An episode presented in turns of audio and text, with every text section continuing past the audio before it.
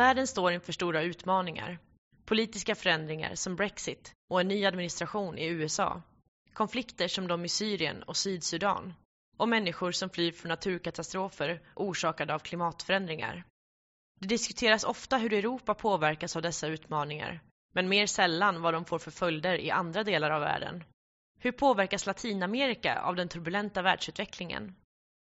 Nu ska ni få lyssna till Hans Magnusson, tillförordnad avdelningschef på Sida och Latinamerikakännare med lång erfarenhet av att jobba på och med kontinenten. Samtalet spelades in den 18 maj 2017. Om ni vill se filmen från seminariet så hittar ni den på vår Youtube-kanal, FUF Play.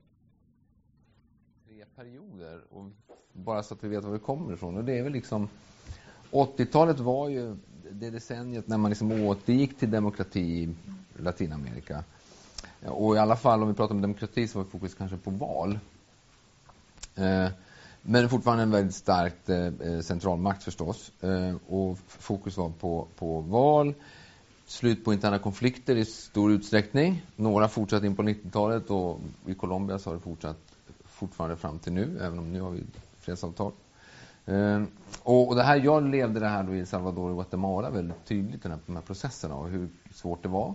Och även om man då hade omfattande fredsavtal så, som faktiskt försökte täcka in en samhällsförändring så lyckas man inte genomföra dem. Och det beror på att om vi pratar om den period som kommer efter det här så handlar ju den om Washington konsensus och strukturanpassningsprogram och vad de hade för effekt på utveckling i länderna i regionen. och där man inte lyckades, genom, tack vare dem eller på, grund av dem eller hur man ska säga så, så blev det ju väldigt lite fattigdomsminskning i dem.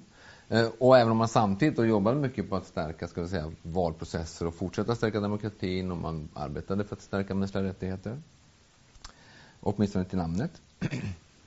Och sen ser vi liksom under nu 21 århundradet en period med, med ganska kraftig ekonomisk tillväxt. Fast den är fortfarande baserad på höga råvarupriser. Eh, eh, vi ser också en utveckling av en ny populism med vänsterinriktning. Eh, karismatiska ledare, antinordamerikanska uttryck, en regionalisering i regionen, man stärker regionala grupperingar och det interkontinentala eller de kontinentala uttrycken som OAS och så försvagas under den här perioden. Och om vi då kommer fram till hur det ser ut nu, efter den här liksom snabba historiegången då, så, så, så, finns ju våldet kvar i Latinamerika ganska ut, utpräglat. Och samtidigt ska man säga att militärbudgeten i Latinamerika har gått ner. Militärens roll har minskat. Eh, förutom då i Colombia, Ecuador och Mexiko. Där fortfarande militärbudgeterna ligger kvar på en hög nivå och inte har minskat. Samtidigt så ser vi fortfarande väldigt djupa interna konflikter i flera länder. Eh, jag tittar lite grann på statistik och då upptäcker man då att eh, eh, i eh, konfliktbarometern i, i, som då presenterar för 2015 så ser man att det finns bara en ett krig i Latinamerika och det är kriget mellan drogkarteller i Mexiko. Och sen finns det kraftigt våldsamma uttryck som då kan koppla i, i, i Colombia där det finns då fortfarande interna konflikten. Och i Mexiko mellan drogkarteller och andra aktörer som, som eh, frihetskämpar och sånt. Och även då i Centralamerika med uttrycken utav framförallt organiserad brottslighet och maras, våld, våldsamma ungdoms, ungdomsgäng. Och vi har också sett i länderna under den här perioden, sedan 1990, så har det varit 12 kuppförsök. Alla har inte lyckats. Men det tyder på väldigt stora, eh, stora konflikter internt.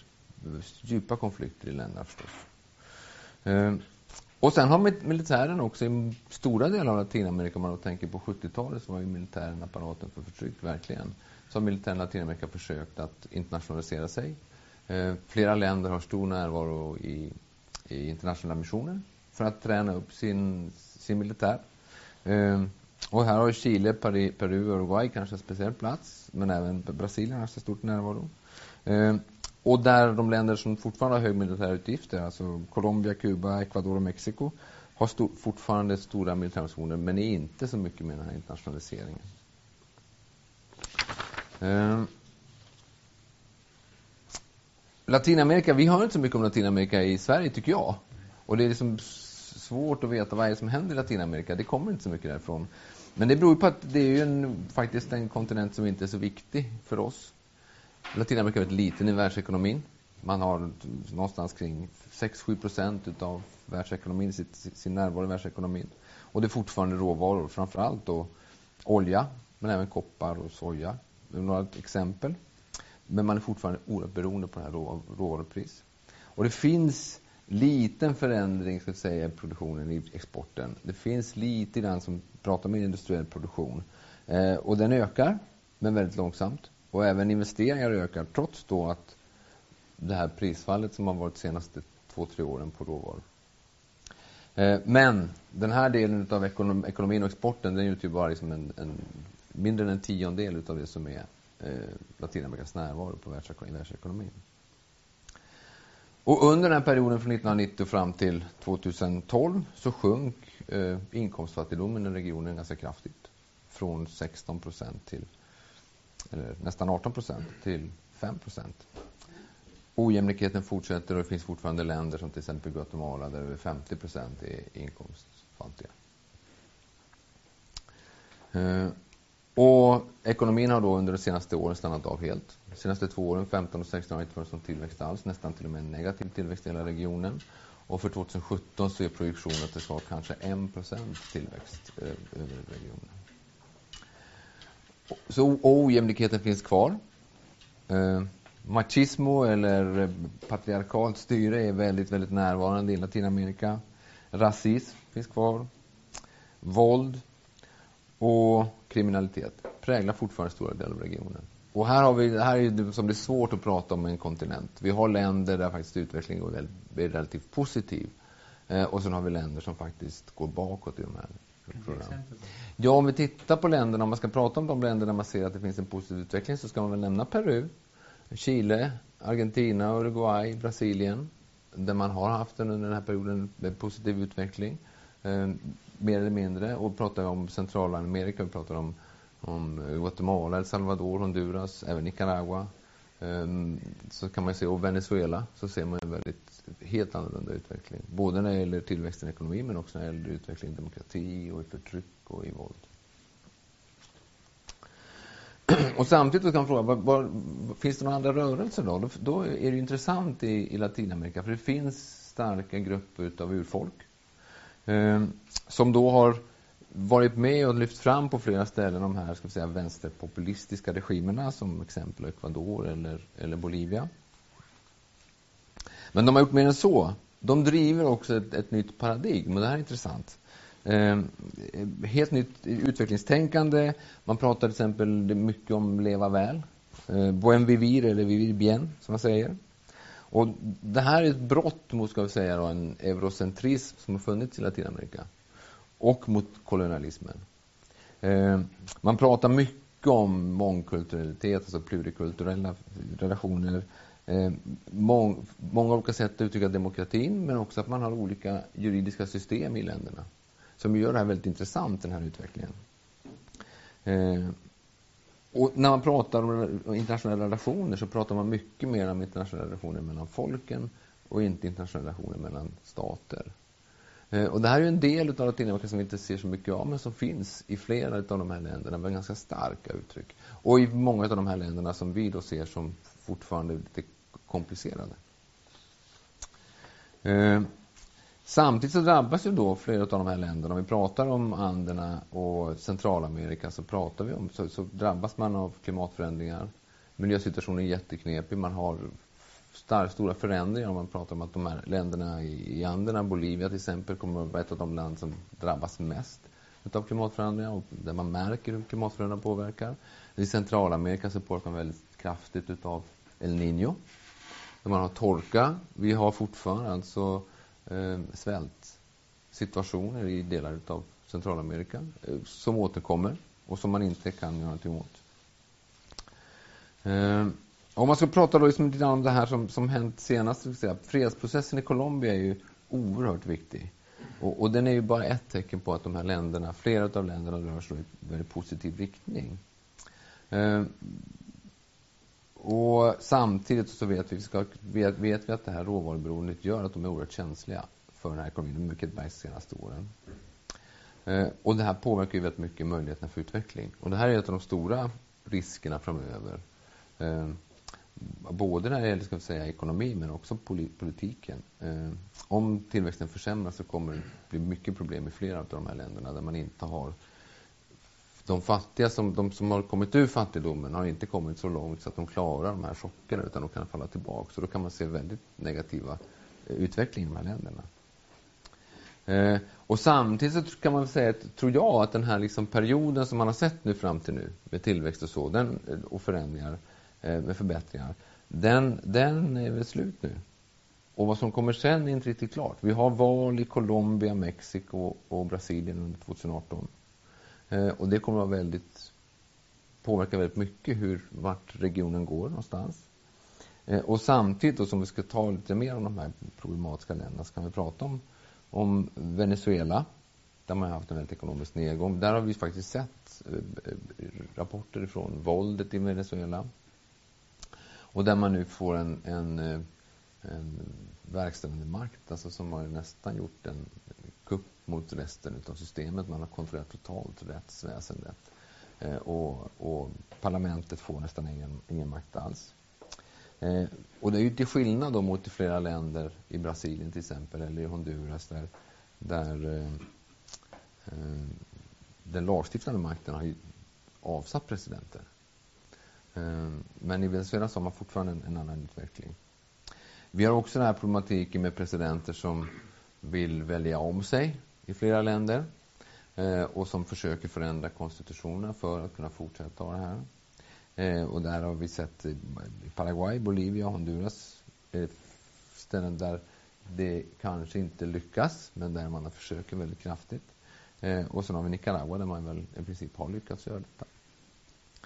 Eh, och vi såg ju också de här reaktionerna i Paraguay i mars nu, där, där det var väldigt, väldigt våldsamt. Eh, väldigt hårt förtryck kom tillbaks och kopplade till den här viljan att bli omvald, eller ja, bli omvald som president. Och Ecuador så har man ju lyckats göra ett byte av president, men man fortsätter, Alianza País fortsätter, fortsätter som, som ledande, ledande eh, politiskt uttryck och, och, och makt. Eh, men nu när ekonomin går ner, vad händer då i Ecuador? Och det är en stor fråga. Och samtidigt man man säga då att de här länderna som då har gått framåt har när det gäller till exempel Venezuela agerat i OAS ganska kraftigt och ganska positivt. Ehm, eh, man eh, kräver val och man kräver att man ska befria politiska fångar och man tar aktivt, ett aktivt engagemang i situationen i Venezuela. Ehm, och till och med Mexiko som normalt inte brukar lägga sig i sådana här uppresningar interna eh, i länder har faktiskt också gått med och uttryckt det här. Ehm, så det finns, där finns det hopp. Ehm, och man kan också säga att i Bolivia, även om Morales vill fortsätta som president, så hade han en folkomröstning. Han fick inte tillräckligt mycket röster för att bli, få, få stadga. Nu försöker han fortfarande ändå. Men det finns ett hopp om att folk är, släpper inte till lika mycket som man gjorde förra gången det här hände. Eh, och vi har förstås de här, när vi pratar om mänskliga rättigheter så pratar vi om yttrandefrihet och de här frågorna. Det är i de här länderna så är ju förtrycket fortfarande kvar, yttrandefriheten är väldigt låg. Ehm, och kanske en, en del som man, som man bör nämna speciellt och som jag kanske har sett ännu mer utav i, i Guatemala än vad man ser i vanliga fall, det är ju den organiserade brottsligheten och hur mycket den, hur långt in den har kommit i statsmakten.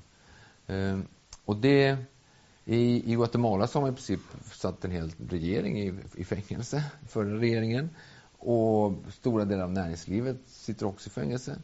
Fler, flera eh, parlamentsledamöter är under utredning om man ska sätta i fängelse. Och allt det här är kopplat till organiserad brottslighet. Eh Eh, droger, droghandel och eh, organiserad brottslighetens kontroll utav statsapparaten.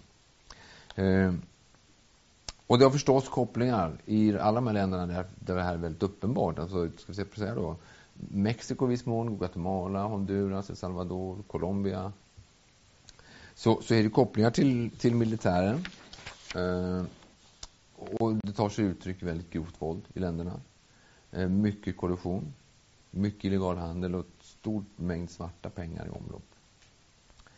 och samtidigt ser vi då, om man ska titta på djupet i det här, så vet vi i Peru när man gjorde första utrensningen av de kriminella nätverken inom staten, så vet vi hur djupt de gick in i, i staten. Och i Colombia, i Parapolitica, så blev det uppenbart att stora delar av kongressen var involverad i finansiering och med svarta pengar när det gäller paramilitären. Och i Guatemala då, som är exemplet med där CICIG då, alltså Kommissionen mot straffrihet i Guatemala har rensat ut ganska kraftigt, så ser man hur oerhört djupt de här går. Men man har också avslöjat väldigt tydligt kopplingar mellan den ekonomiska eliten och politiska eliten och organiserad brottslighet i både El Salvador och, och Honduras. Eh, OAS försöker fortsätta ta en roll, har väldigt svårt, alltså den interkontinentala alltså samordningen har väldigt svårt att, att komma till.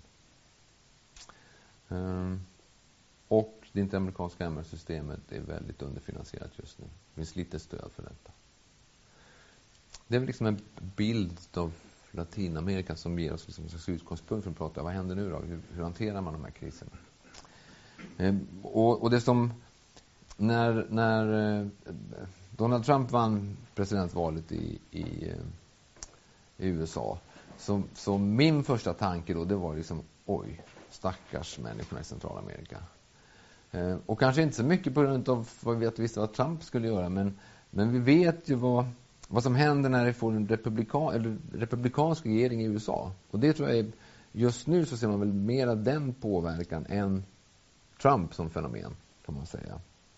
Även om man då, Trump just när det gäller Mexiko och muren och vi ska sätta mur, vi ska inte vara med och lösa Mexikos problem, de ska till och med få betala muren, tycker Trump. Och det här gör ju att det blir väldigt knepig relation förstås. Men när det gäller de andra så, är, så har vi inte sett så mycket av vad Trump gör, utan det är mera mm, rädslan för vad en republikansk regim och republikansk makt i USA gör. När det gäller Kuba till exempel, arbetet med att eh, öppna upp Kuba som Obama har inlett. Eh, nu kommer republikaner från Florida med Kuba-bakgrund in och får mycket mera kraft. Och det här kan ju inte ha tvärstopp förstås. Och vad händer då? Det vet vi inte riktigt, men att det inte kommer att vara positivt varken för kubanerna eller för regionen, det, det är väl ganska uppenbart. Eh, i, när det gäller Centralamerika, det jag tänkte på framförallt då, det var att den gamla makteliten som har fått ta tillbaks för ändå de demokratiska uttryck och de här krafterna som verkar för straffrihet i länderna eh, som har gått framåt. Eh, nu får den gamla makteliten återigen några stödtrupper i USA och kommer att kunna fortsätta kämpa emot. De är för status quo, de är för att behålla ojämlikheten. Och de är för en stat som de kontrollerar och då tillåter man en viss, viss korruption och viss organiserad brottslighet i staten. Och de vänsterpopulistiska regimerna hårdnar ju sin position när man har en, en, eh, en radikal republikansk eh, regim i USA. Och sen ser vi till exempel i Sydkornen att, att Eh, Mercosur, där organiserar man sig starkare. De regionala uttrycken som är starkare, de blir starkare, de reagerar starkare, de håller ihop bättre. Eh, och kanske kan liksom hotet från Trump och hotet från en republikansk regering i Latinamerika skapa mycket mer intern samordning och mycket mer gemensamma positioner. Så det behöver inte vara helt negativt heller. Eh, och när det gäller klimatförändringar så kommer det här att drabba stenhårt eh, eh Latinamerika framöver. Och samtidigt ser vi att några av de länder som verkligen har tagit eh, utvecklingsagendan, alltså eh, de 17 målen, eh, hållbara utvecklingsmålen på allvar är latinamerikanska länder. Colombia har varit väldigt tidigt ute med att jobba med de här frågorna och har liksom, försöker få hela sin, sin politik att gå i takt med, med utvecklingsmålen. Mexiko håller på att lägga in det här som en del av sitt budgetarbete, att hantera eh, alla 17 målen i, i, i, sitt arbete. Så det, det finns en genomslag för det här. Eh, och, och, jag tror att det är, det är väl ungefär där någonstans som vi är nu. Och vad som händer framöver är väldigt osäkert. Kan du bara säga lite mer kring varför är Latinamerika mer känsligt för klimatförändringarna än andra delar? Är det något speciellt? Kan du beskriva det? I andra har påverkat väldigt mycket. Du har ju haft alltså, glaciärer som smälter det ja, enklaste exemplet är i, i Bolivia så kunde man åka skidor för 15 år sedan, alltså utförsåkning. Det går inte idag, finns inte kvar snön. Och det här är ju alltså dricksvatten, rent vatten för Bolivias folk som nu försvinner. Som sakta funnits med, nu smälter det ner och försvinner. Eh, eh, I Centralamerika så har torkan i hela centrala delen av Centralamerika skapat en situation där väldigt många människor lever oerhört utsatta. Eh, och, och, det är helt kopplat till klimatförändringarna förstås.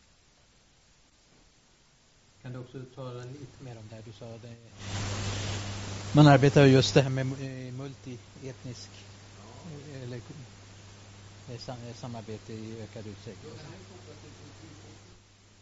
Det, det tydligaste uttrycket kanske är ju MAS i Bolivia där man då har fått fram en president och, och där man faktiskt har pratar om helt annan typ av utav samhällsstruktur och helt annan typ av styre.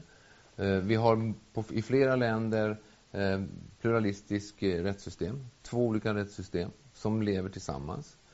Ibland helt officiellt öppet och ibland inofficiellt. Men där, faktiskt, där det faktiskt är en folkrörelse som har en egen rättsskipning och som försöker skapa ett eget system för rättsskipning. Och det här är ju också någonstans eh, en stor svårighet för länderna i Latinamerika men också ett stort, alltså det finns ett hopp i det här. Att man faktiskt hittar egna lösningar som kan anpassa sig på ett bättre sätt än vad kanske nationalstaten klarar av att hantera de här förändringarna. Jag tänkte vi kanske skulle be Torsten att starta upp och kommentera lite grann. Vad du hört lite. Okej, jag ska försöka. Jag är väldigt oförberedd på det här. Det var liksom inte alls planerat så att eh, jag improviserar lite. Det är naturligtvis jättesvårt, som, som Hans sa, att prata om en hel kontinent som är så väldigt olika i olika delar.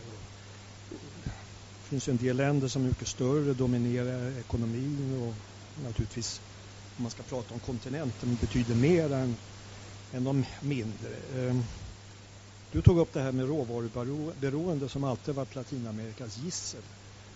Och jag skulle väl kanske vilja understryka det ännu mer än du har gjort. Jag säga det, är, det är i högsta grad en ödesfråga för Latinamerika inför framtiden. Därför att om man jämför med andra kontinenter och så halkar man ju mer och mer efter. Man, alltså, man har ju inte lyckats. Latinamerika började ju ganska tidigt att industrialiseras. Länder som Mexiko, Brasilien, Argentina var ju tidigt ute och kom ganska långt. Men sen har man liksom inte fortsatt med det. Man har, man har inte lyckats att bli konkurrenskraftig i världsekonomin. Brasilien har jättestora problem och man skyddar sig med höga tullmurar. Och man får nästan en känsla av att de latinamerikanska länderna har, har, har gett upp och de har hoppat av. De är inte beredda att liksom fortsätta det här racen och de är definitivt inte beredda att ta upp någon konkurrens med, med Asien. Och då kan man fråga sig, vad kommer det då att betyda som vi var inne på? Om man då även fortsättningsvis på medellång sikt kommer att ha en tillväxt på 2 procent, ja, men i stil med europeiska ekonomin innan, innan den började slacka. Var finns pengarna då för de stora sociala reformer som är fortfarande är ogjorda? Var finns pengarna för att som vi diskuterade för några veckor sedan, några av oss här, att finansiera de ökade kostnaderna just för den åldrande befolkningen. Det pågår en stor demografisk förändring på kontinenten. Det ska jag säga, det är, en, det är en väldigt stor fråga där jag ser väldigt få positiva tecken ändå till att man är beredd att och, och, och fånga, ta upp den här agendan och liksom vara beredd att aktivt genomföra strukturella reformer i sin ekonomi för att öka konkurrenskraften.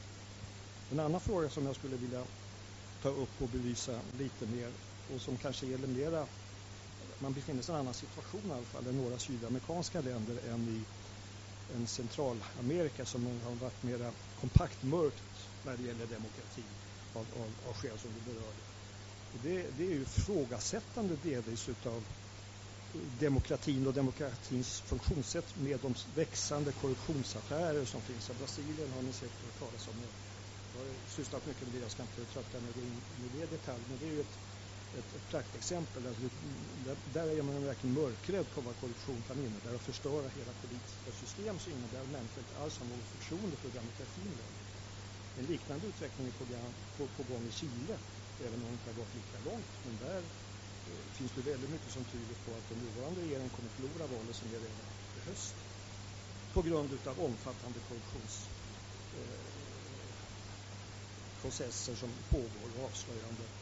Och där det verkar som att grunden väldigt mycket är hur ska man finansiera politik och partipolitik? Hur ska man förhindra att företagen tar över partifinansiering, köper upp alla politiker som är intressanta och viktiga för dem. Och det är det som händer i landet idag.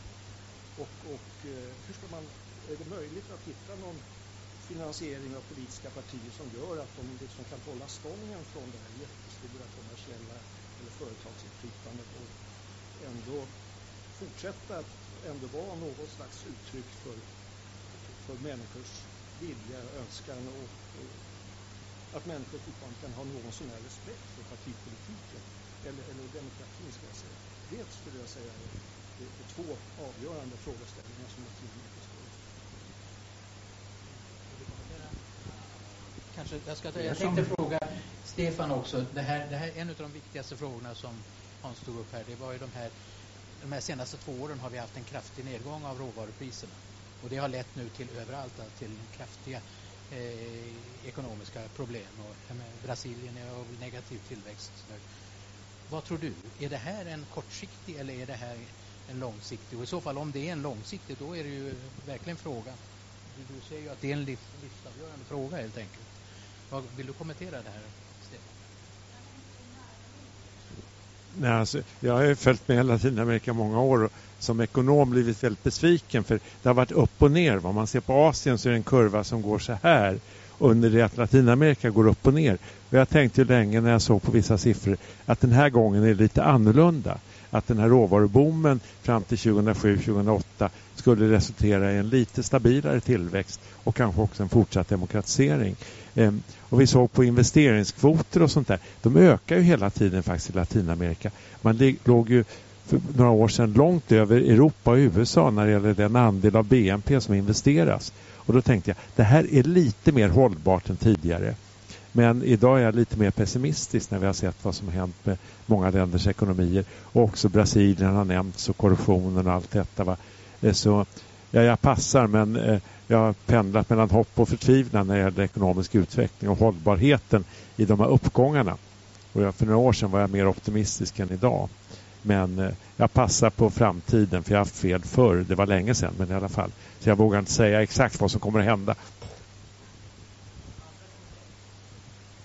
Nej, alltså, nu när Hans är här, det intressanta är väl lite grann Sveriges roll också. Alltså, vi har haft en lång period av minskat svenskt intresse på regeringsnivå eh, för Latinamerika. Och du som sitter närmare makten än vad många av oss gör, kan du säga någonting om, finns det möjligheter att Sveriges intresse politiskt, regeringsmässigt, ökar för Latinamerika nu efter många ganska mörka år? Eh, så det, det skulle jag vara väldigt nyfiken att höra en liten inside-rapport från hur Sveriges intresse för Latinamerika ser ut idag. Om det finns några möjligheter i framtiden att det ökar. Får jag bredda den frågan med att tala om Europa? Alltså Brexit, eh, det finns en rapport som jag just har läst om vad Brexit betyder och Brexit, eh, vi talar ju egentligen bara om Europa. Då. Det är hur många eh, europeer som ska bo i i England och hur många engelsmän som får bo i övriga och ja, men, handel i Europa. Men riktigt, vad blir effekten då? Vad ser du med eh, EU, Europas intresse och engagemang i Latinamerika? Eh, jag, jag, jag, tror väl att det är så att, att eh, när det gäller Europa så, så, så upplever jag, det, det, men det vet ju ni bättre egentligen än mig, men det är ju oerhört mycket fokus på våra svårigheter. När vi pratar om flyktingar så är det ju bara de som kommer hit som räknas. Liksom. Eh, och, och det fokus från, från Europa kommer väl att vara kvar. Och det gör ju att Latinamerika är mindre intressant. Det kommer inte så många från Latinamerika hit nu. Eh, och, och, utan det är mycket mer fokus på, på Afrika, eh, förstås, och Mellanöstern. Och det kommer att fortsätta vara, tror jag, ännu ett ökat fokus. Så det är inte, det, och jag vet inte om Brexit påverkar det. Eh, britterna har inte haft så jättemycket intressen i, i Latinamerika generellt heller. Eh, men eh, så där är jag liksom lite, lite tveksam. När det gäller Sverige så kan man väl säga att åtminstone regeringsskiftet då för några år sedan innebar att det kom folk, personer till makten, det är inom på UD och sådär, som, som hade en historia med Latinamerika och kunde kontinenten lite grann. Eh, och, och, det gör väl att ett visst ökat intresse har det varit Eh, för Latinamerika. Ehm, och eh, både Margot Wallström och, och kabinettssekreteraren Karin Söder har ju varit där flera gånger sedan de, sedan de kom in i regeringen. Ehm, så där tror jag finns något mer och jag tror att man faktiskt nu på UD jobbar med att ta fram någon form av mera genomtänkt eh, hantering av Latinamerika, någon form av strategi eller åtminstone tankar kring hur ska Sverige förhålla sig till Latinamerika, vad är vår roll? Ehm, Sen tror jag, alltså, eh, Torstens kommentar är helt spot on. Alltså. Jag, jag tror att både, alltså, politiska systemen är ju på många ställen väldigt, väldigt sköra. Eh, och jag tror att just den minskning i fattigdom som man har sett de senaste 20 åren, den är inte så hållbar. Så att om dess ekonomin går ner så kommer många av de, inte, de som då har kommit ur fattigdom inte klara av chocken att gå tillbaks. Så det är liksom en kris, det är väldigt alarmerande, den situationen.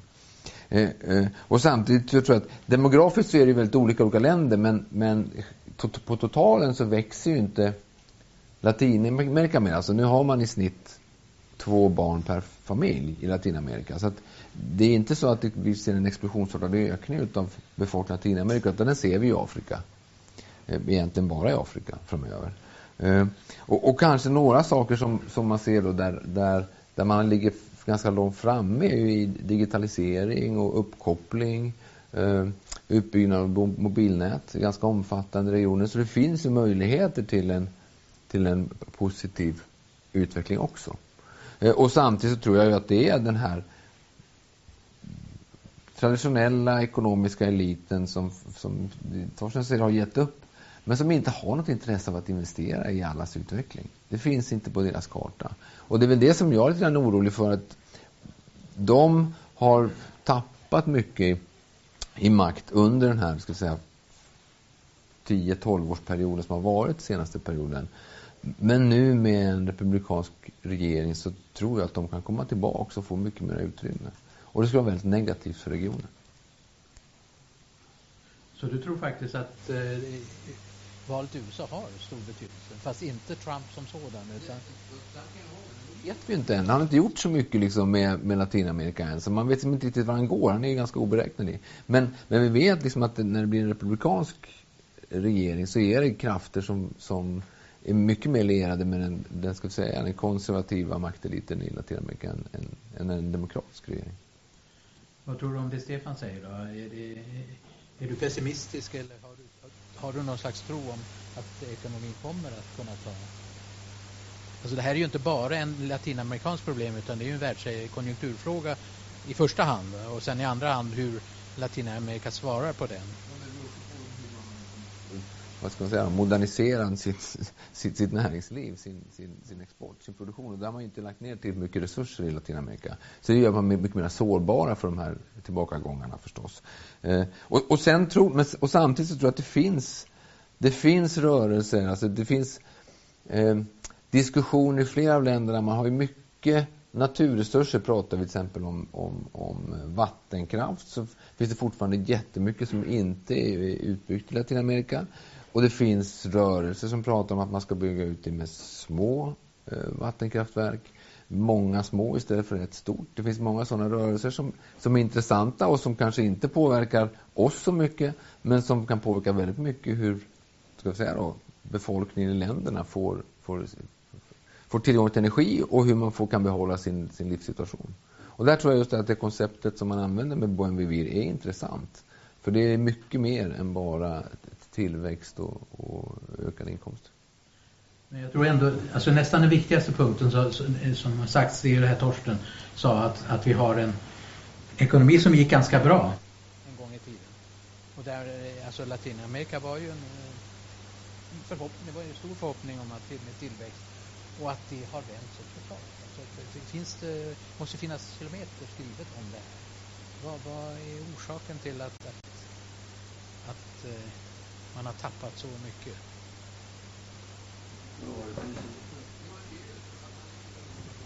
Export. Och väldigt få, ja, jag har, jag har Och, och, väldigt, och det är väldigt få produkter egentligen som man är. Alltså, olja har varit väldigt viktig för många av länderna.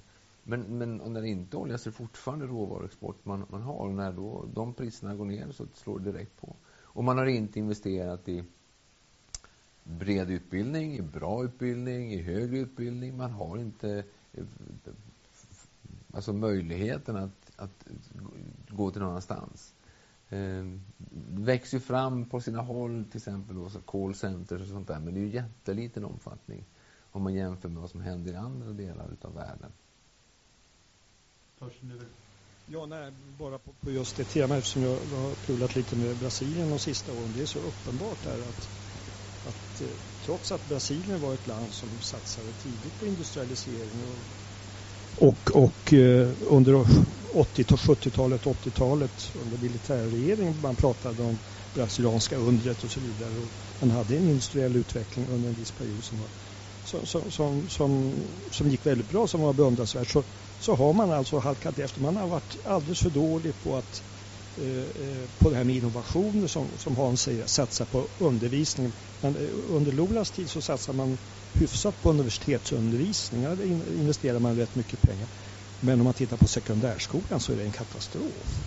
Alltså det, det, och, och, det märktes inte minst under den här stora ekonomiska uppgången då där, där, där man hade jättesvårt att få, få fram eh, välutbildad arbetskraft. Helt enkelt. Det var jättestor brist på det. Och, och man, man, man, har liksom inte riktigt, och det var jättesvårt att diskutera sådana, jag har försökt diskutera, diskutera den typen av frågor med, med PT medan de satt vid makten och de, de, de, de, har inte riktigt greppat de här frågorna och man tänker, det kanske är speciellt brasilianskt, men väldigt mycket i termer utav när vi är så stora och starka och Brasilien har alltid gått bra och, och, och, och Gud är brasilianare som man säger på portugisiska och så vidare. Det, man, och hur, om man ska generalisera, och det kanske vi ska göra med det här tillfället, så skulle jag påstå att den latinamerikanska vänstern har varit väldigt dålig på att förstå behovet av att syssla med de ekonomiska frågorna och behovet av att, att rationalisera, att göra strukturinvesteringar, stärka ekonomin så att de har, har mer att beskatta så att säga, få större tillgångar till statsbudget för att kunna göra de reformer som man prioriterar. Man, man, man, man, har varit väldigt mycket rentista som man kan säga på, på, på, på spanska. Man vill vara med och man tycker med, med, all, med all rätt att eh, de fattiga, fattiga ska ha sin del utav det överskott och den tillväxt som finns. Men man har aldrig varit speciellt intresserad av att diskutera hur man kan få tillväxten att fortsätta och bli större och naturligtvis fördela på ett annat sätt. Skattereformer har de flesta, även om man har suttit med makten, så har man gjort nästan ingenting när det gäller skattereformer i flera av de stora latinamerikanska länderna. I Brasilien gjorde man absolut ingenting, men det är fortfarande ett väldigt regressivt skattesystem. Chile är samma sak. Bara apropå vad Torsten sa om utbildning. Jag minns någon statistik jag såg för några år sedan. Eh, för 40 år sedan så hade en arbetare, arbetskraften i Latinamerika två, tre års längre skolgång i genomsnitt än i Ostasien. Idag är det tvärtom. De har två, tre år längre skolgång än i Latinamerika. Så utbildningssystemet är ju en katastrof. Och det har att göra med klassklyftor också. Den fattigaste femtedelen av befolkningen är nästan illiterat i, och ännu fler i många länder. Och där är det en enorm skillnad jämfört med de framgångsrika länderna i Ostasien. Så jag tror vi måste börja med någonstans med, inte naturresurser utan med människor och undervisning, utbildning och hälsovård och allt detta. Det är människor som skapar utveckling och där saknas det så oerhört mycket i Latinamerika tyvärr på grund av klassklyftor och korruption och mycket annat. Nu har, nu har experterna talat väldigt mycket, eller Latinamerikakännarna. Finns det några andra frågor? Nu? Ja. Ja, min fråga är bara lite grann eh, undran kring detta med att USA backar lite i vilja vara med och spela boll i Latinamerika i handel och annat. Och samtidigt så har ju Kina gjort olika försök till intrång. Är de jätteglada kineserna nu? Är de på frammarsch eller hur ser det ut? Den investeringen från Asien eh, har nog nått sin, sin topp eh, faktiskt. Och att man, det är inte Latinamerika som är intressantast. Eh, utan det är lite grann, ja, Latinamerika har hamnat lite grann i bakvatten. Eh, och det, man ser inte den.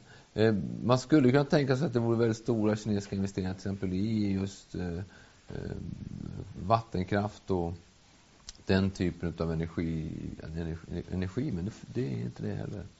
Och, och, kanske beror det lite grann på, det här tror jag att, jag, åter, jag återkommer till det, det är en del som jag tror som Torsten tror upp som hur man finansierar det politiska systemet, men det är alltså eh, korruptionen i, i, i, länderna, i politiska systemet i länderna och närvaron av organiserad brottslighet är enorm.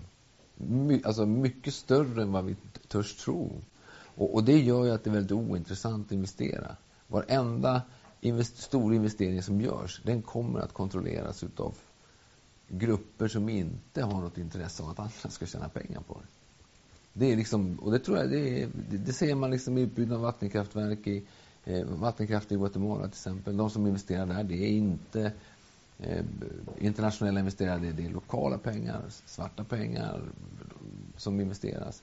Och det är de som ska tjäna pengar på det. Och får några utlänningar vara med så är det på marginalen och mer för att sätta, prata om att internationella investeringar. Eh, och oerhört kontrollerat av en väldigt liten maktelit som är till stora delar i allians med eller har väldigt täta relationer med, med både droghandel och organiserad brottslighet. Kineserna är kloka kapitalister. Det hör till saken också att eh, med den här fallande konjunkturen, framförallt råvaruprisernas nedgång, så har alltså även investeringar från Kina minskat över, överlag. Alltså, även i, i Afrika så är, har de kraftigt minskat. Så det är inte riktigt ett alternativ längre till traditionellt bistånd som det var för två år sedan. Ja. Jo, eh, sa du så att eh, man har minskat på militärutgifterna? Hörde jag rätt? Ja. Och då undrar jag för det första varför man gjorde det. I och för sig så är det bra naturligtvis, men varför?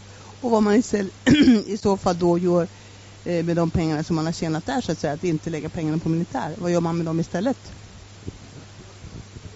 Som det vi ser alltså över, överlag, eh, även i Centralamerika, även om det är mörkt där, så har militärutgifterna gått ner. Alltså militärens storlek har minskat. Eh, sen är det ju mycket andra investeringar, till exempel i, i, Centralamerika, väldigt mycket investeringar i, i säkerhet, i inre säkerhet kopplat till polis och sånt. Men det är inte militära investeringar, med militärutgifter. Och i hela Sydkonen så har militärutgifterna sjunkit kraftigt. Och där, är, där, där, där finns det exempel på att de, den resursfördelningen har gått till investeringar i sociala investeringar. Ja, men det, men det är, och det, och det är ju, vi ser ju en skillnad mellan länderna. Om vi tittar på dem, även om vi då, det är osäkert politiskt i Chile och så, så ser vi en skillnad mellan hur utvecklingen går i, i Peru, Chile, Argentina, Uruguay än vad det går till exempel i Venezuela och Ecuador och, och, och Centralamerika. Och det beror ju på att man har, det är skillnad i den politik man har fört. Jo, vi, har, vi har snuddat vid frågan om Sveriges relationer med Latinamerika. Eh, och det som slår mig är att de har ändrat karaktär väldigt mycket om man ser några decennier tillbaka i tiden. Alltså för 40-50 år sedan så var Latinamerika stora Eh, en stor marknad och eh, för svenska företag, många svenskar, eh, många stora svenska företagsinvesteringar, många svenskar arbetade där. Sao Paulo var Sveriges största industristad och så vidare. Och det har väl stannat av nu lite grann med, med nedgången här. Samtidigt, en, en andra väldigt stora förändringen är ju att då bodde ingen latinamerikan eller människor med latinamerikanskt ursprung i Sverige och nu har vi en avsevärd diaspora med rötter i Latinamerika. Och, och, jag undrar bara hur, hur har det påverkat det på något sätt svensk politik gentemot Latinamerika? Eller sker det bara på så att säga privat och civilsamhällesnivå, de relationerna mellan diasporan och bakgrundsländerna? Ja, eh, det är svår, svårt att ha något ansvar, men nej, men jag tror att det är som du säger. Att det sker på, liksom på privat och, och civilsamhällesnivå. Jag tror också att det finns, vi har ju haft under den här perioden också ganska mycket investeringar i skog till exempel i Latinamerika från svenska företag. Och det finns fortfarande den, den processen, alltså bygga upp pappersbruk och så, som har skett. Och det är väl liksom den senaste biten, även om, och då fabriken Sao Paulo var väl innan dess. Eh, men de, de intressena finns ju kvar. Och det finns fortfarande, ska sägas, intressen från företag i Latinamerika tror jag. Även om det är, Latinamerika är mindre intressant nu än, än de förhoppningar man hade kanske för 20 eller 30 år sedan.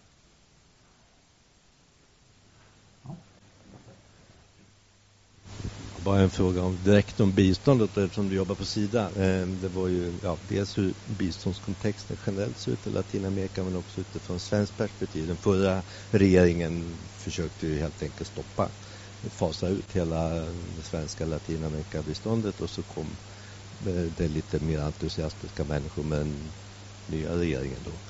Men eh, alltså hur ser det ut? Ska, ska det finnas bistånd till Latinamerika? Ja, nej, alltså det, det, är nu väldigt begränsat till Guatemala, Colombia och Bolivia. Eh, alla tecken tyder på att det kommer fortsätta med, i, i de tre länderna. Och det är också så att nu finns det återigen eh, stöd på regional nivå i Centralamerika och man tittar också på om man ska göra något stöd på regional nivå som täcker hela Latinamerika. Så det finns en viss ökning av intresse men att det kommer att skulle vara fler länder, det, det, det tror jag inte på. Eh, och, och, kanske så, så, kan vi se att vi kan lära oss utav, för jag tror att den här problematiken med, med organiserad brottslighet och korruption är ju inte unikt där, men man kan lära sig mycket av det som görs där nu. För det är en väldigt stor fråga och det finns mycket erfarenhet där från hur man jobbar med det.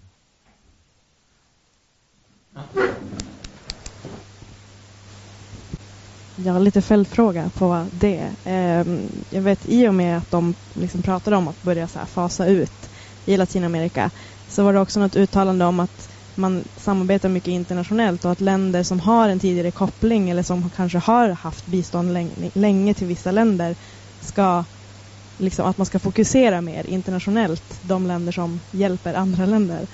Um, och då tänker jag eftersom att Sverige då bedöms att inte kanske vara nummer ett i just Latinamerika. Vilka andra länder finns liksom som då blir större som skulle kunna ta ett större ansvar då i den regionen om man nu ska tänka på det om det, det finns någon sån liksom teori. Börja då mitt, alltså 2004, 2005 och sen bli väldigt stark under andra halvan på det årtiondet. Så då fanns ju fortfarande det spanska biståndet väldigt kraftigt i Latinamerika. Och det är ju den del europeiska land som har som haft störst bistånd i Latinamerika. Men i och med krisen i Spanien så har deras bistånd sjunkit väldigt mycket. Det har drastiskt minskat och det har ju verkligen märkts i alla länder. Eh, och, och samtidigt måste man säga att Sverige drog sig, har dragit sig tillbaka från flera länder men de flesta europeiska länder har dragit sig tillbaka ifrån Latinamerika.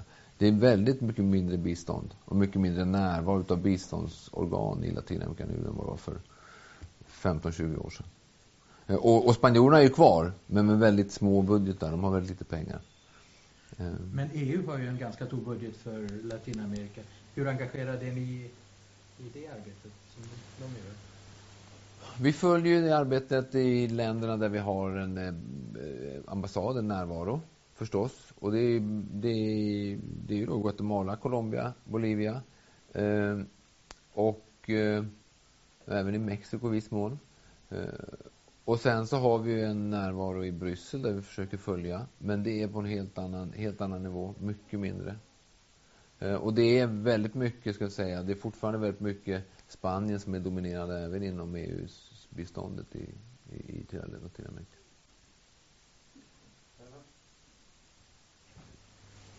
Jag bara säga en, en sak? För att jag tänkte nästan be dig, alltså vi har börjat komma eh, lite mot slutet, men det är en stor fråga som framförallt Stefan tog upp förut ni bollar fram och tillbaka två gånger.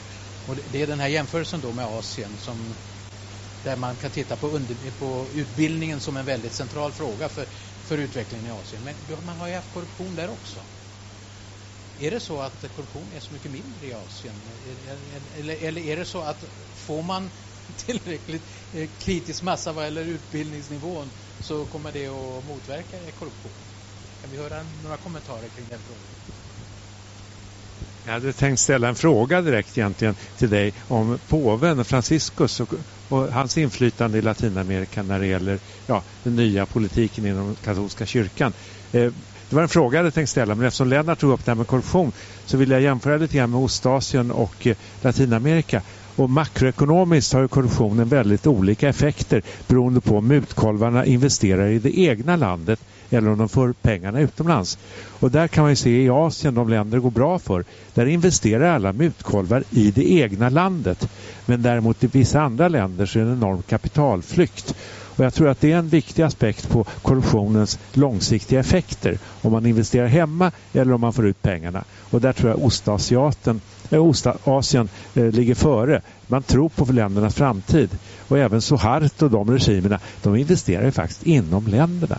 Under det att i Uzbekistan eller Guatemala skulle det inte falla en mutkolv in att satsa pengarna hemma utan man får ut dem. Så jag tror det, det är korruption på många håll men den har störst destruktiva effekter om mutkolvarna får ut pengarna. Men det viktiga, min fråga, det var påven. Ja, nej, eh, jag tror att skillnaden, avgörande skillnaden mellan Asien och Latinamerika om vi ska generalisera så här mycket, det är ju att klassklyftorna är ju större om man, i, i Latinamerika än vad de är i Asien. Och då, alltså, i, i, problemet blir ju då politiskt i ett land om man ska driva fram en politik som kräver en, en, ganska hög skattefinansiering för att göra sociala reformer på en rad olika områden, inklusive satsa brett på en kvalitetsundervisning så måste medelklassen vara beredd att betala ganska höga skatter för att finansiera det här. Och det är inte medelklassen för de, de, de insisterar ju att ha en privat lösning åt sina barn. Så att de ska både betala en hög skatt och dessutom ska de betala höga avgifter för privatskolan för sina barn och den egna privata sjukförsäkringen och så vidare. Och så vidare. Det är det stora politiska dilemmat i Latinamerika som är utvecklingsfientligt då, ska man säga, utifrån det här perspektivet om man jämför med oss. Vi pratar om det, men det är ju en fantastisk skillnad mellan Latinamerika och resten av världen eh, när det gäller ojämlikhet. Det är så extremt mycket mer ojämlikt i, i Latinamerika än vad det är i de andra ställena. Och det tror jag får en, en, en effekt. Uh, och, och, när det Franciscus, förutom då att man i Salvador eh, under det här året kommer att få ett helgon, som ju är oerhört viktigt, måste jag säga. ja, eh, Monsignor Romero blir alltså helgon i år, eh, räknar ju kallt med. Eh, så, så, så har vi ju inte sett liksom att det har förändrats Eh, när det gäller alltså, konservativ syn på, på eh, alltså, sexuella rättigheter eller, eller hälsa till exempel. Och, och, det är väl snarare så att i Latinamerika idag så växer ju evangelikala kyrkor med en väldigt konservativ syn, syn på, de här, på de här frågorna. Så att det, katolska kyrkans påverkan har minskat väldigt kraftigt och det finns ju stora rörelser i flera länder, flera länderna Eh, som faktiskt har, kom, har och kommer att få en politisk påverkan. Och det här är väl det som är den andra, om, om jag pratar lite grann om om någon rörelse som är kopplad mer till urfolk och försöker bygga liksom någon slags folkrörelse underifrån där så finns det den andra rörelsen som är att de fattigaste kyrkorna idag det är ju de evangelikala kyrkorna. Och den rörelsen är också väldigt stark i många länder. Med väldigt osäkra förtecken när det gäller, när det gäller vart det ska ta vägen. Okej, okay, jag ser inga mera eh, händer så att jag tror vi börjar närma oss slutet på en väldigt väldigt intressant presentation av vad som händer i Latinamerika där slutsatsen är att, att eh, de flesta av Latinamerikas problem är interna, kommer inifrån snarare än kommer utifrån och eh, även om eh, klimatfrågorna och alla de här frågorna är väldigt högt på agendan så är det, är det alltså beroende på att, att Problem ligger i, att man har stora problem i Latinamerika. Och det här är en väldigt intressant diskussion kring, kring vad, vad, vad specifikt Latinamerika, det som så att säga, skapar eh, svårigheterna att få en utveckling till stånd som ligger i korruption. Den speciella typen av, av ojämlikhet som leder då till korruption och kanske bristande eh, socialpolitik helt enkelt med, och med där utbildningsfrågorna framförallt underskattas. Och jag hoppas att eh, de här, det här skrivs om mycket för att men det här är ju inte bara intresse för Latinamerika utan det är intressant för att studera hur, hur de här olika eh, frågorna hänger ihop och sen jämföra mellan de olika kontinenterna. Men jag i Latinamerika om det här. Det, är liksom en levande debatt med mycket information i Latinamerika, men inte så mycket utanför. Nej, som du säger, i Sverige skrivs det väldigt lite och på universiteten nu där jag nu eh, agerar och undervisar på utvecklingsstudier så finns det nästan ingenting om Latinamerika. Så väldigt lite. Jag tackar er allihopa för engagemang och att ni kom hit och det var varmt och skönt. Nu släpper jag ut er i solen. Tack för att du lyssnat på FUF-podden. FUF är en förening som sprider information och skapar debatt om globala utvecklingsfrågor. Mer information om vår verksamhet hittar du på fuf.se.